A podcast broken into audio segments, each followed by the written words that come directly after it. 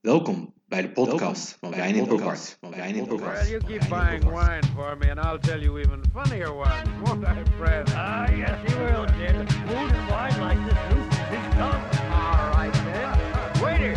Oh, waiter! More wine!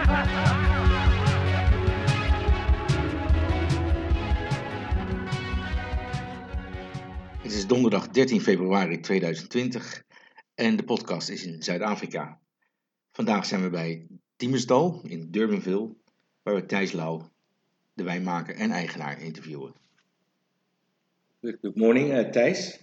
Morning, how are you? Very well. Can you uh, introduce yourself to our listeners? Yes. Yeah, so I'm Thijs Leu. I'm sixth generation winemaker of the Leu family on Dimmersdal. Uh, your, your sixth generation. Yes. You- does your father still work in the company as well? He is still involved, um, but he goes on holiday whenever he wants and he starts in the morning whenever he wants. Uh, but his fa- his name is Thijs as well. No, he's Tini.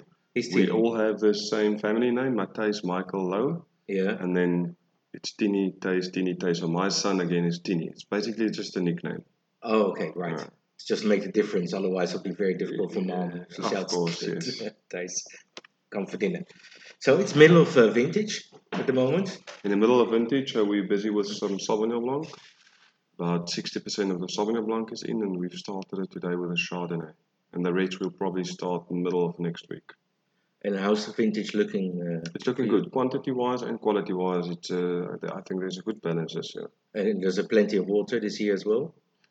Look, all our um, vineyards on Dimmersdal are dry land, but Yes. we had sufficient rain in the winter. It's always been dry land. uh, Always been dry land. Are you, are you afraid that in the future, the way it's going, that you might have to do drip irrigation Mm, No, eventually? I'm not. I'm not too. We've got very good soils in Durbanville, and um, you know, dryland vineyards. The roots are going down up to f- six meters to go and find some water. Where if you drip irrigation, your roots are all concentrated by the drip, Yeah. um, very shallow, um, just underneath the surface. But there's um, you know there's some um, uh, rock shale um, in between and decomposed granite with a high clay content down under, which which keep all the, the moist, of course. Yeah. And then, uh, but the roots can go through that. Basically. Yes, yes, it's not like a 90% clay, it's like a 50, Oh, okay. f- 40, 50% basis. Mm. I just want to talk about, I don't know if it's a passion or a love, Sauvignon Blanc. Yeah, no, it's. Uh, I think it's both a passion and a love. I just liked it. Uh, you know, I think it's very suitable for our region. It's uh, our proximity to the ocean is is um, fantastic. So, you know, when you stand on the, in the village, you can see the Atlantic and the Indian Ocean very close. So it doesn't matter what direction the wind is. We always get from from the ocean. There's a wind.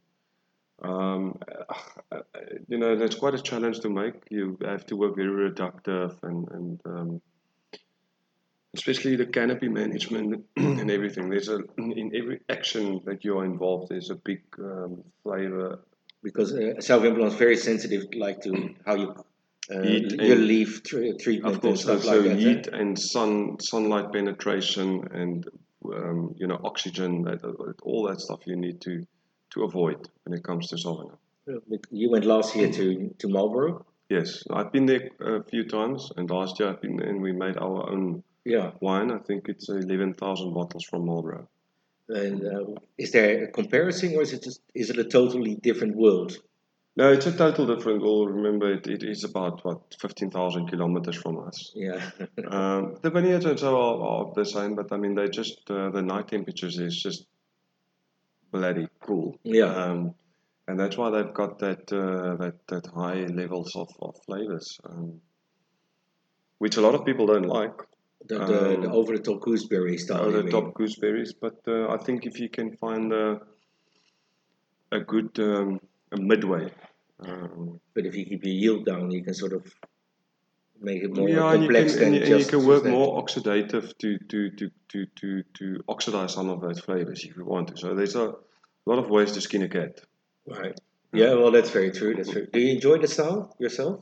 I like the style that the, the one we're making. It's grapes from Dylan's Point, so it's much more to, to the to the tropical um, Mm-hmm. uh, flavors and the green flavors, like like the Dimmersdal Sauvignons. We try to go to the to the more tropical flavors instead of the green flavors. And how, how does the market uh, when you because you you showed it here to people. I'm sure. We showed it, yeah, and it's all been sold in South Africa and it's sold out. So we, Oh, really? we, we next month or in uh, April we're going to do the second vintage. Yeah. Are you gonna go over again? I think so. Yeah. Somebody will be going over. Uh, It's me or someone else. Somebody. your will- father's been there as, lo- as well. He's a also couple been there, times, yeah. huh? Yeah. Yeah. It's well, it's interesting because you you guys are always quite open for new things. Huh? You do- you do Gruneveldliner here, which is uh, which is going really well. Yeah, and then Are you doing something else? Uh, have you planted like Albarino or something else here as well? And then we do. I mean, we do de- ten different styles of Sauvignon, Sauvignon. There's yeah. a barrel fermented. There's a uh, there's here a clay pot fermented. Uh, there's a there's a skin fermented, which is like a more towards your Is that the nat- horseshoe? the, the wild horseshoe, Yeah. and then there's quite a few other unoaked uh, Sauvignon. So there's, there's, there's quite a few, yeah. And, the And of course Gruner, the winter ferment, and of course the winter fermenter. and all being perceived pretty well in the market as well. Huh? Yeah, yeah, that's uh, doing extremely well. Yeah. And uh, okay, and then your other love is Pinotage, or is it more Pinotage and- Cabernet Merlot? The Bordeaux blends, I, I like the Bordeaux blend, the private collection we're doing. That is, uh, I really like enjoy making that wine. But what is the difference for Pinotage, uh, say, in this region? Because is there a lot of Pinotage in Durbanville? There's a lot of pinotage planted. Pinotage is doing extremely well in, in cool climate. There's a lot of uh, uh, people asking now for cool climate pinotage, not that over extracted, over ripe pinotage from the warmer regions. So they, they like this, na- uh, you know, the, The the, more elegant More style. elegant with style, more classic digestible. style, and, yeah. Mm. uh, Yeah. Okay. How many hectares do you have in total?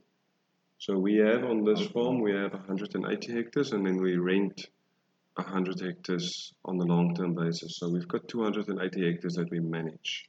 But uh, some of that rented is, is actually bordering your own Yeah, yeah, yeah, Vineyards yeah which is makes it maintained uh, in the hills. very nice. here. Yeah. And it's mainly Sauvignon Blanc as well?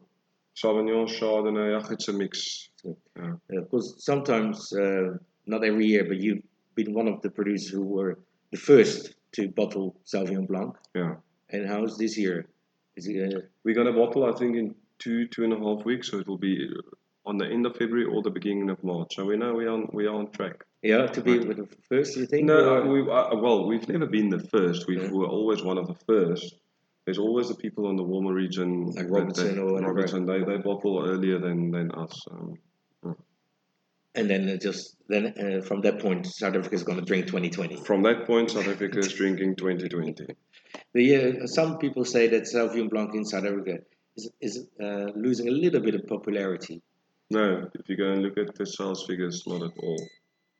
You got a restaurant here as well since a couple of years. uh, Restaurant is a year now for eight years, and then Already? the tasting room. Is, is this the same chef there as Same well? chef, yeah. because it's quite uh, it's quite challenging food that he makes as well yeah, compared yeah. to what other yeah, and people I are must say doing. it's really nice food he's making. yeah, I think uh, if anybody should come, well, they should come to Demons Hall anyway, Yeah, but they should definitely have lunch here. 'cause Right, it's, yeah, uh, yeah. No, it's he's quite an making good experience. Food. And it's quite seasonal menu, so you change it quite a bit.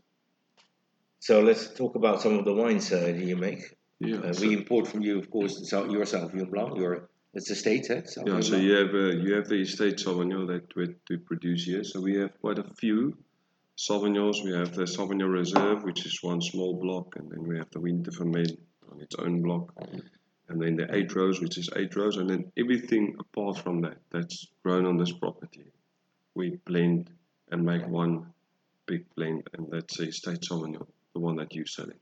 and uh, so it comes from different blocks. Yeah, different blocks. So But- there's new ones, young ones. I mean, the youngest one obviously is first vintage this year, and we've got some old ones that's 30, uh, 34 years old. Yeah. So, uh, it's mainly machine harvest uh, Mainly machine harvest. in, yes. in, in, in, at night, basically. At night, so we start at, at two, and then we will finish at ten in the morning before it's really hot or the sun is coming out. And then we've got the whole day to process the, you know, on our time to process it in Yeah. the cellar. Like, do you, when it comes, the fruit comes in, do you still cool it first? No, no, no, it's cool enough. Well, it's going through a mash cooler. It goes through a mass cooler, Yes. and then straight to the press, straight to the to the separator where we first separate it and then to the press. and you do any uh, like skin contact? Um, like two hours or It, whatever? it depends all on the vintage. So this year, the very early stuff was was was uh, um, you know that we, we were having high acidities this year. So then you have to give contact to break down the acidity. So it depends. Some days we do. Some days it depends on what block and the vintage and everything. But it's, uh, the salvia blood is very pure in that way. Eh? So Yeah. you, you, you press it, goes to tank, you let it settle, Settle it after 48 hours. Rack it. Put the yeast in. ferment. Ferment. On, on what temperature? Like 12, 14? No, we ferment uh, between 15 and 17. Is that high for salvia blood? Is that quite normal? In the old days, it was you, you fermented between 12 and 14, but these days, uh, since I was here, we ferment quite warm for, for the tropical flavors. We don't want to keep the green flavors in. Uh, So you don't make a green pepper No, salvia blood, no. which I had a couple of days ago. Okay. So you like what- you like the, the tropical The green fig? tropical, uh, I don't, I, I'm not, I don't have any desire to have a green pepper or asparagus in my glass. Right. And uh, you don't have to do anything, any correction here, basically. No, no, no. Luckily, we've got it's like I said, it's, it's one of the coolest, one of the three coolest regions in South Africa. So I mean, we have natural high assets. Because you, uh, the Sauvignon Blanc is since two years uh, Ward Cape Town. Yeah, Cape Town. How does that work out for you? Is it, uh, Ugh, was it a Oh, it- good it- it's- decision? It's still early days, but it's, it's working out. I mean, Cape Town, there's more familiarity to Cape Town than South Africa. Uh, yeah. uh, there's a there's a lot of people. I mean, because you know, Cape Town is like a it's like a beautiful destination to come with. So people are familiar with it. People likes it. And, you know, there's a lot of Europeans seeing Cape Town and say, "Oh, we've been there. We want Yeah. to try a bottle." Um, so it's definitely working for us. It- was it a, uh, that it came out of a marketing idea or? Well, it was it was uh, the, the Constantia and the Dermal, all the farm owners and producers were around the table, and it was quite a long process to get it through. So it was just not like one guy. It was uh, So it was It was a Constantia, team. also Cape Town. also Cape Town. We, uh, we were here two years ago and we had your dessert wine in the restaurant. Yeah, yeah. and we liked it, and we Yeah. bought quite a bit of it since then. Uh, what is the process? How do you make that here? No, it's, so you just let, let the grapes hang quite long on the vines till it gets like raisins, and then you just press that very very sweet juice out, Yeah. and um, you ferment it then just like a white wine after fermentation. Keep it two, three months and then you bottle it. Do you have to stop the fermentation? You have to stop it, but it stops um, naturally because the yeast can't uh, convert that amount of sugar No, into alcohol. but it still doesn't. It's I think it's 13, 13.5. Yeah, yeah. But that's where the yeast stops because the, Oh, yeast, really? the yeast can't handle more alcohol than the yeast die on the natural way. And then you put it into barrel. Then we put it into barrel for three, four months and then out of barrel in the bottle. And you have you made it this year as well? You think? It, well, it's still hanging. Yeah. It's still and, hanging, yes. and but uh, we- we're doing- 19 you made as well. Yes, 19 we made as well. Actually, today we're labeling it. Uh, have you picked pinotage already as well? It's Um, quite an early. just a little bit to variety. see it, but it's not right, so we will do it next week. because because you you get all your pinotage around not really crazy high alcohol. you No, know, no, no. no. We try to, to aim for 14 and not higher. And it's all barrel mainly. All barrel. All barrel. All French. French and a few American oaks. I don't even remember. It's like not even 2%. No, you won't. It's, Yeah. it's not a big influence. uh, Yeah. It's, it's not, it's No. not a chocolate Yeah, yeah, pinotage. yeah, yeah. No, no, no, no. At all. All right. Well, thank you very much. Thank you. Good luck with this vintage. Yeah, and it thank was you. great to be here, of course. Okay, pleasure. And uh, good luck in New Zealand as well. Thank I you. look forward to that.